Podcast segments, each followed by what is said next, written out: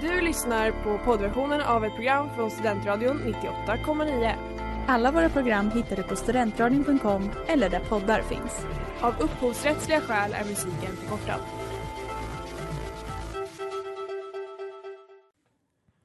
När vi har pratat med människor är det många som tycker att fysikfenomen såsom svarta hål, mörk materia och Big Bang är fascinerande. Men många upplever också att det är svårt att lära sig om de här fenomenen. Och de eh, säger ofta när vi pratar med dem att ah, jag skulle själv aldrig kunna stå, förstå det här. Hur kommer det sig? It's one small step for man, one giant leap for mankind.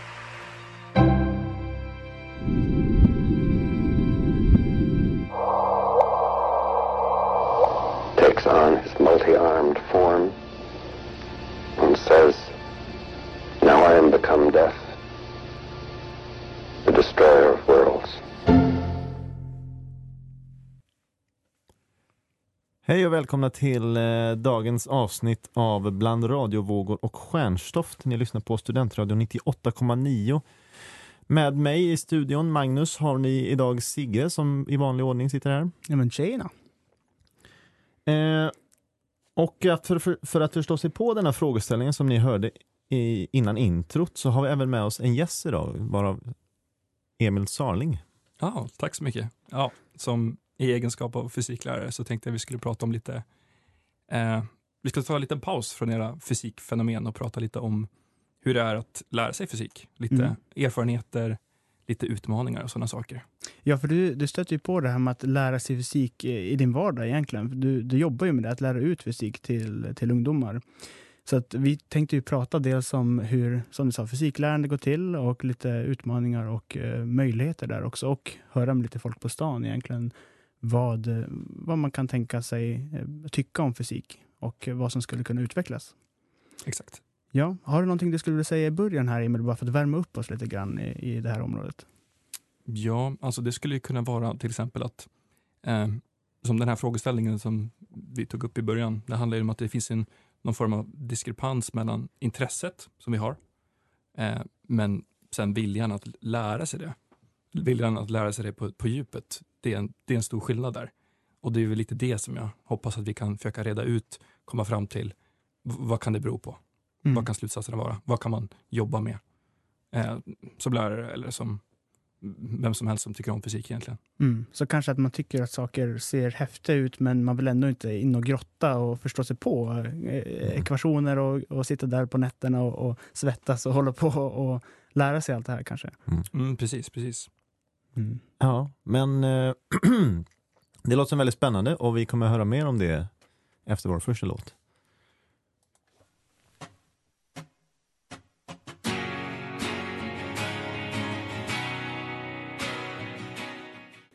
Ja, den låten ni alldeles precis hörde var Polaris med Paranu. Ja, Emil, hur eh, ska man gå tillväga då när man ska lära sig fysik? För det är all, någonting som, som vi alla vill, va? Ja, Eh, precis. Men det, det är en bra ställe att börja på.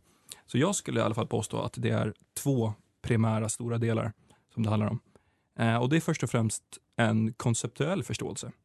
Magnus, om man skulle prata om konceptuell förståelse, vet du vad jag syftar på då? Vad skulle det kunna vara? Jag skulle säga en konceptuell förståelse är, eh, ja, om vi tar som exempel vad, vad kraft är för någonting, så är, är kraft ett koncept. Då. Så om man har en förståelse av vad kraft är för någonting så kanske man kan tänka sig att man kan tillämpa det på olika områden. Aha, men här dyker krafter upp och då kan jag använda mina kunskaper för att beräkna någonting där och, och så vidare. Ja, precis. Eh, för det är faktiskt nästa, nästa grej. Så att den konceptuella förståelsen den bygger då på att det är utöver ord nästan. Att man, man kan känna det i kroppen på något sätt. Att jag förstår det här på djupet. Någon, någon form av intuition, tänker jag. Ja, att, eh, precis. Och, och det, när man har skapat den, då kan man sedan applicera den konceptuella förståelsen på olika problem. Till exempel en laboration eller på någonting man ska räkna ut eh, eller så vidare. Eh, och jag tror att de här två delarna tillsammans med kritiskt tänkande och problemlösning som man även använder i, i andra ämnen. Det är så man förstår sig på fysiken. Så den konceptuella förståelsen eh, handlar det, innefattar det också att man förstår ekvationer och att man förstår eh, de här relationerna och man kan de här lagarna och man, man vet exakta massor på alla partiklar? Är det liksom konceptuell förståelse? Eller vad, du säger att det inte är det? Alltså, det, det är en del av det, men jag, jag, framför allt handlar det om känslan av att man förstår fenomenet på olika sätt. Till, om man tar till exempel kraft då, att man, aha, men när jag, när jag släpper en boll så fattar jag att det är en kraft, gravitationskraft som drar bollen ner mot marken. Och när jag bromsar på is så fattar jag att oj, här, var det, här halkar vi, här glider vi för att vi har saknar någon sorts friktionskraft som bromsar oss. Och, Ja, precis. och då vet man, aha, okej, att man fattar att det här kanske inte är helt olika grejer utan att det kan vara sammankopplat. Då har man en konceptuell förståelse. Ja, och då kan man applicera den kunskapen på olika situationer. Och när man kombinerar dessa, det är då man kan landa i att förstå sig på eh, fysiken. Mm. Mm. Vad skulle du säga är motsatsen då till konceptuell förståelse eller koncept, konceptuell eh, intuition? Det är väl alltså, motsatsen skulle väl vara att man, det är bara grundläggande, att man minns saker och ting. Mm. Eller man saknar konceptuell förståelse. Ja, precis, precis. Ja, vi tar lite mer efter det här.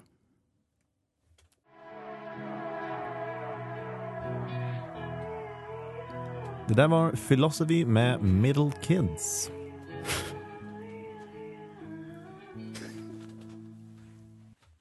Ja, Emil. Fortsätt. Ja, så. Eh, jag tänkte gå vidare med att prata om lite om fysiktraditioner. Och då, det vi precis pratade om då är då konceptuell förståelse och hur man applicerar den konceptuella förståelsen på problem. Och här skapas det problem i hur man tittar på traditionen och hur man lär sig, lär sig fysik vanligtvis. För att det finns ett alldeles för stort fokus på applicerandet och alldeles för lite fokus på det konceptuella. Och det vet jag inte riktigt om ni känner ni igen er med det? Att det handlar om att applicera, applicera, applicera istället för att verkligen på, på djupet förstå vad man ska applicera, applicera först. Ja, jag, jag tänker tillbaka på grundskolan och gymnasiet. När man räknade lite fysik så var det mycket att du fick en ekvation som, som hamnade på tavlan och sen så fick du 20 stycken räkneuppgifter i olika svårighetsgrad. Och sen skulle du bara räkna och kolla om svaret blev rätt i slutet av boken. Och hade du inte rätt så fick du räkna om och räkna om och räkna om. Men, men det var som du säger, kanske inte lika mycket fokus på att faktiskt förstå konceptet. Ja, för min egen del så tror jag i grundskolan så hade jag en väldigt, väldigt bra lärare som han var ju expert på att ge den här konceptuella förståelsen och han, han spenderade väldigt, väldigt mycket tid på att göra demonstrationer och eh, försöka få oss, eh, få oss att förstå de här, alltså typ, ja, typ elektricitet. Då, någon gång skulle vi hålla i hand och skulle han leda elektricitet genom oss. Det låter farligt. Ja, och någon gång så tror jag det han skulle visa på tryckskillnader så han, han värmde upp en aluminiumburk eh, med en sån här, vad heter det, gasolbrännare och sen så la han det här i liksom en dunk i vatten, vatten och så såg man hur den här liksom imploderade inuti den här. Då för att demonstrera liksom tryck och, och så här. Så, och eh, han gjorde väldigt mycket sånt så, och, och då fick man ju också upp intresset och han tyckte det var väldigt roligt. Men sen på gymnasiet så var det precis så som Sigge beskrev att det var liksom ekvationer på tavlan och räkna i böcker. Ja, där blir det ju de där visuella intrycken som, som gör att du fortfarande kommer ihåg det där Mm. ännu idag. Ja. Och det är ju så himla viktigt. För annars så blir det, hamnar man i den situationen som Sigge ham- hamnade i. Och det kommer leda till någonting som man pratar inom eh, fysikdidaktiken, så alltså forskningen om hur man ska bedriva en effektiv fysikundervisning. Det kallas för random equation hunting. Så det låter ju som att man, okej, vad har vi för ekvation vi kan applicera på det här problemet? Vi kollar upp det i boken och sen så applicerar vi det och så hoppas vi att vi får rätt i slutet. Det låter ju verkligen som hur de flesta i i klassen kanske hade som tillvägagångssätt när vi löste fysikuppgifter. Det var just det här, hitta vilken ekvation löser den här uppgiften. Det var det, var det man skulle komma fram till. Mm, precis, och det är ju väldigt synd att det är så, men det är vanligt.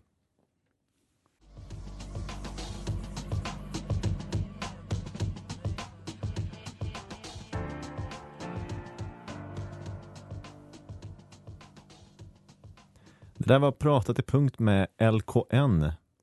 Och ja, vi kan väl lyssna lite på vad, vad Sigges morfar har att säga om fysikundervisning. Ja, jag gick ju på Försvarets läroverk och jag tyckte det var väldigt intressant just med fysik. Vi gjorde en del små försök och eh, då var vi ju lite äldre också så att vi hade ju väldigt mycket roligt åt våra resultat. Ja, vi hörde lite grann om försök. Jag hade velat veta vad det var för sorts försök just inom försvaret där på, på den tiden, men eh, vi kanske ska lämna det till eh, ett annat avsnitt.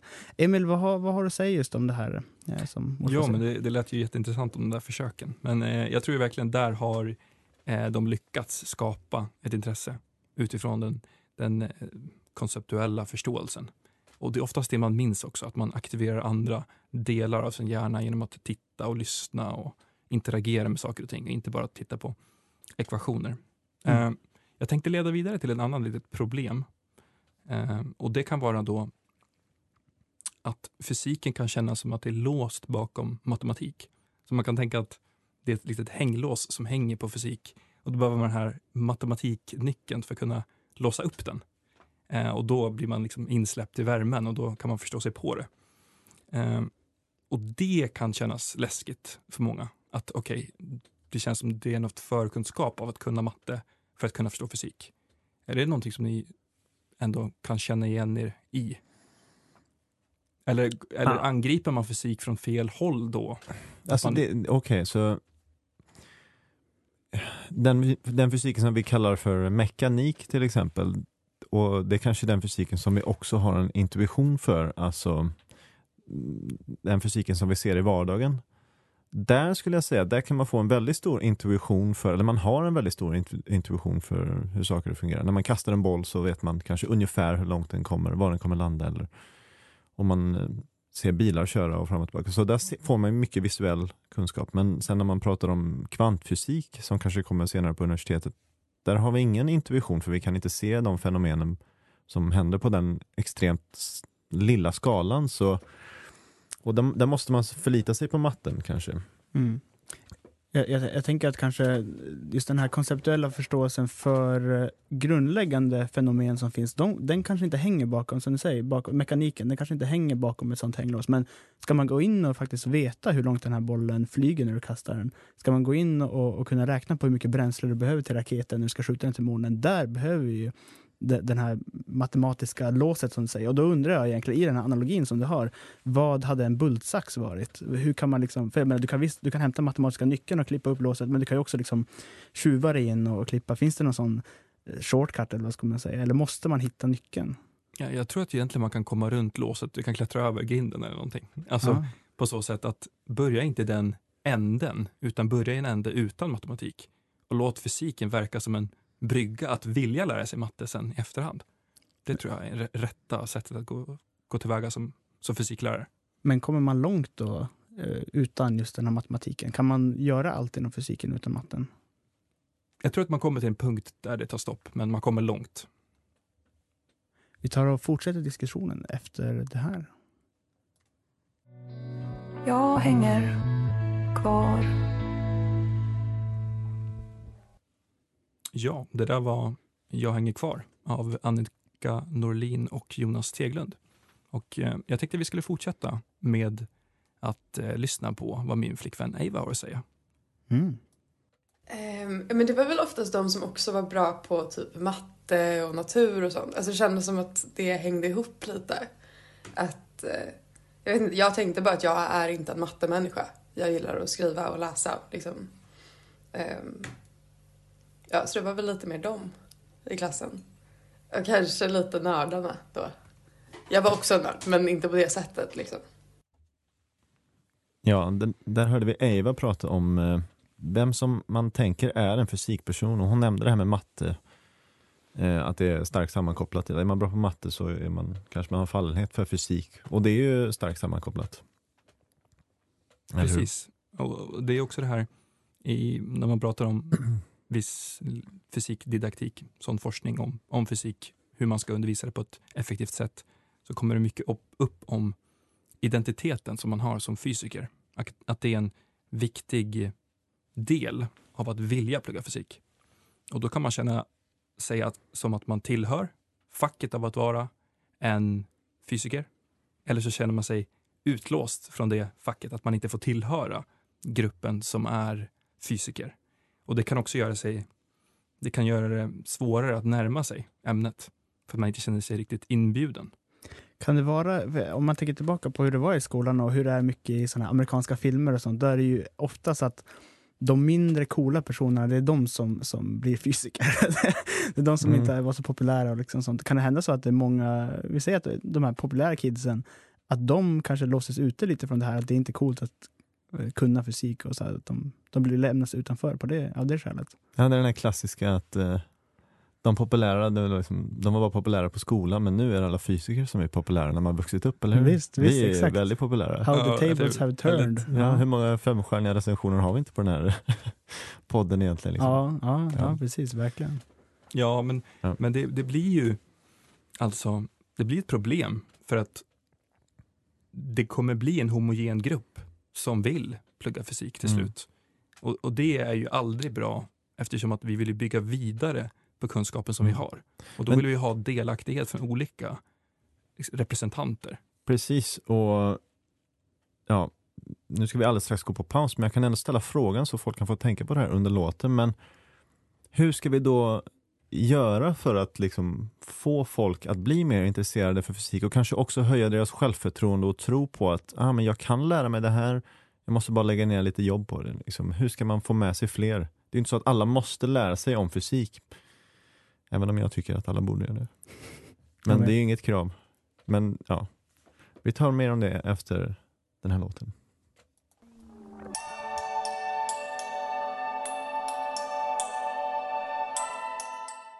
Den låt vi alldeles nyss hörde var Bullet of Dignity med Fat White Family och du lyssnar på Bland radiovågor och stjärnstoft på Studentradion 98,9 i Uppsala med Magnus och Sigge i studion och vår eminenta expert Emil som vi har här. Mycket eminent är den. Oh. Ja, så då, hur ska man då få folk att bli intresserade? Ehm, ja, det finns ju vetenskapsmän, Ulf Danielsson till exempel, om folk vet vem han är, som eh, ger populärvetenskapliga föreläsningar och det är ju ett bra sätt att eh, sprida den här kunskapen till allmänheten. Liksom, att eh, Man berättar om olika häftiga fenomen och väcker ett intresse. Jag tror att intresse måste väckas så att man faktiskt har en vilja och motivation till att eh, lära sig mer. Ja, precis. Det är jätteviktigt. Sen är även bryggan från det populärvetenskapliga vidare till vidare studier, till exempel på universitet, också viktigt att det kommuniceras vad som förväntas. För annars tror jag det kan vara ett alldeles för stort hopp.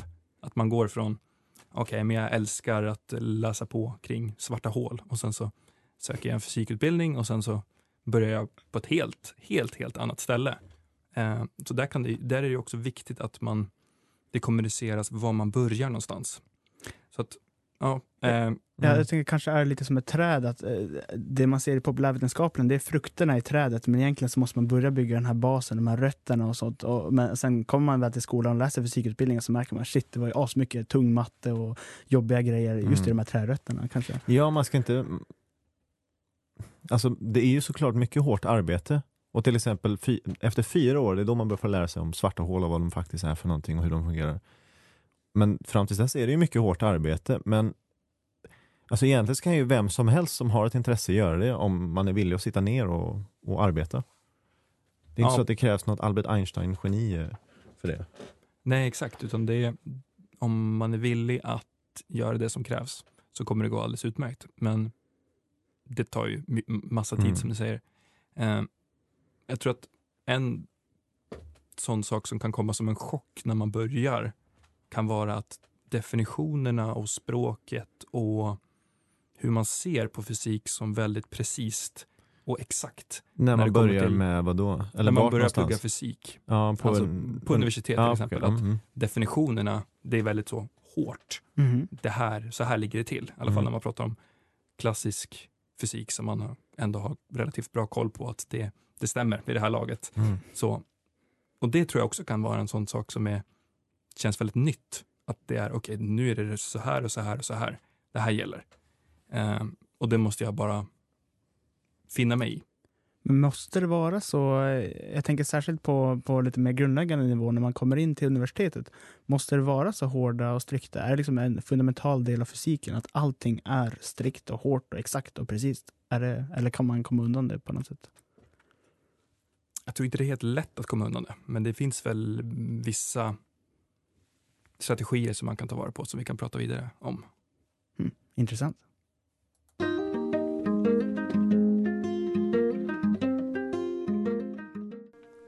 A running start med Sufjan Stevens. Ja, vad har vi för strategi med, strategier, Emil? Ja, jo men jag tycker det är jätteviktigt att hitta på de här egna satserna liksom, och definitionerna. Upptäck dem själv och lita nödvändigtvis inte på alla andra, vad de säger. Det, det kan bli... Då följer man ju egentligen inte liksom den vetenskapliga metoden som alla andra fysiker genom tiden har följt. Att man, man gör laborationer och, och testar saker och ting och så ser man vad, vad man får. Och man litar inte på någonting på förhand innan man ser det. Så det kan nog vara ett bra strategi och tillvägagångssätt att lära sig fysik. Att då blir sin egna, sina egna intryck av det som händer lagen.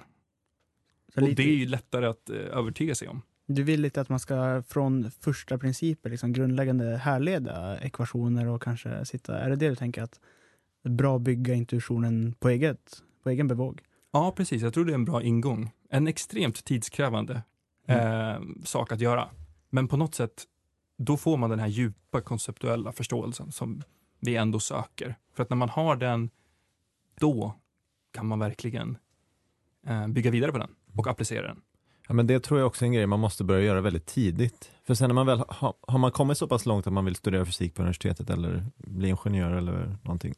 Där, är det så väl, alltså, där har man inte riktigt den tiden, där man har så himla mycket och man ska plugga och studera inför. Så. Men att man, om man kan göra det väldigt tidigt i grundskolan kanske. Så att man får den in- intuitionen redan där. Liksom. Ja, Emil, eh, om, vi, om vi kollar bakåt så eh, de flesta har ju gått grundskolan och sen är det några som pluggar fysik på gymnasiet till exempel och så är det eh, ja, en ännu mindre skara som pluggar på universitetet.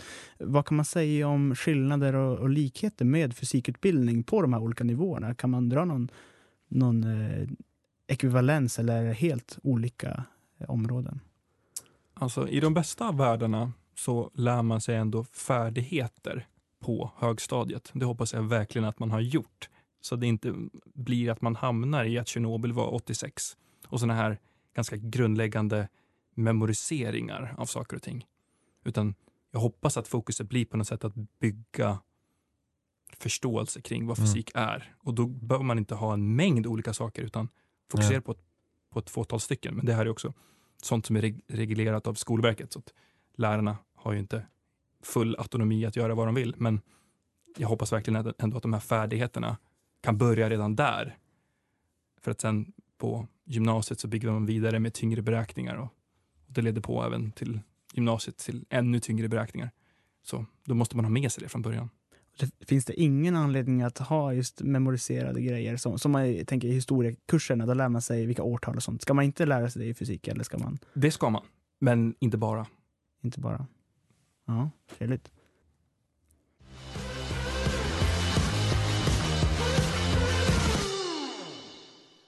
Det där var Millennials med I don't speak French.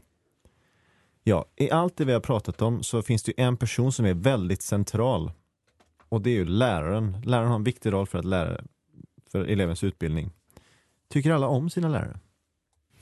Ja, på gymnasiet jag tyckte faktiskt det var väldigt eh, torrt och inte så spännande som eh, man förstår senare i livet det kan vara. Eh, Och det är jag lätt att tycka att det var en lärarfel, ty- tyvärr. Det spelar stor roll hur man presenterar ämne. Det kan jag tycka, för ändå i vardagen har jag en hel del med fysik att göra, men det finns mycket att säga om hur pedagogisk och hur man kan entusiasmera Mm. en tonåring kring ämne. Så det, det var min upplevelse som tonåring kan man säga. Ja, precis. Där har man ju vikten av en bra lärare. Och jag tänkte lite för att sammanfatta det vi har pratat om och även koppla an till den här intervjun så handlar det om att man ska kunna skapa delaktighet, att man ska kunna känna sig som, som en fysiker, att man vill, vill vara där. Att det inte ska vara låst bakom massa matematik. Eh, det ska handla om att förstå sig på de här koncepten och bygga färdigheter från början, gärna redan på, på högstadiet, som man sen bygger vidare på. Eh, det bygger, det är goda förutsättningar för att man ska tycka om ämnet från början. Så som jag, min filosofi kring, kring lärandet för mina elever bygger på de här sakerna. Att skapa delaktighet och att skapa att det ska vara roligt. Så mitt största fokus är att eleverna ska undersöka de här fenomenen själv och dra slutsatser utifrån det. Säger du att allt, eh, eller skulle man kunna säga då att allt ansvar ligger hos läraren eller finns det liksom också ett ansvar hos eleverna där också? Det finns definitivt eh, ansvar hos, hos eleverna också, men man måste skapa förutsättning för att eleverna ska kunna ta ansvar för sitt lärande. Mm. Så är det. Vi skulle kunna göra en liten anonym eh, omröstning här om, om vi alla bara svarar på tre och så Ja. svarar vi om man har eh, tyckt att, att sina lärare har uppfyllt de här kriterierna, som, eller de här rekommendationerna då, som Emil eh, säger. Så vi svarar på tre här inne i radion och så, och så blir det helt anonymt för då hör man inte vem som säger. Okej? Ett, två, tre. Nej. Ja. Oj, okej. Ingen vet vad- vem som sa vad. Det får förbli osagt det här. Mm. Anonym omröstning. Mm. Ja, så vi har idag pratat om eh, fysikdidaktik, just forskning och lärande om, om, inom fysik. Och eh, vi har pratat också lite grann om hur elever upplever och hur lärarna upplever just fysiken. Magnus, vad eh, ska vi prata om nästa vecka? Ja, nästa vecka så tänker vi att eh, vi ska prata om kärnkraft.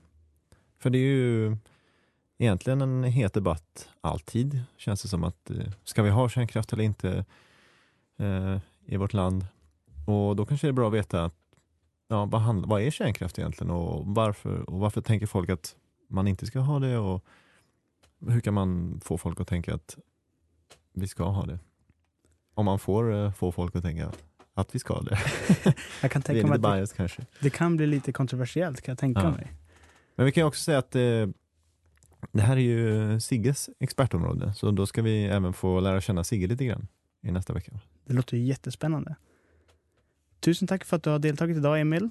Ja, tack så mycket. Och tack för att ni har lyssnat. Vi hörs.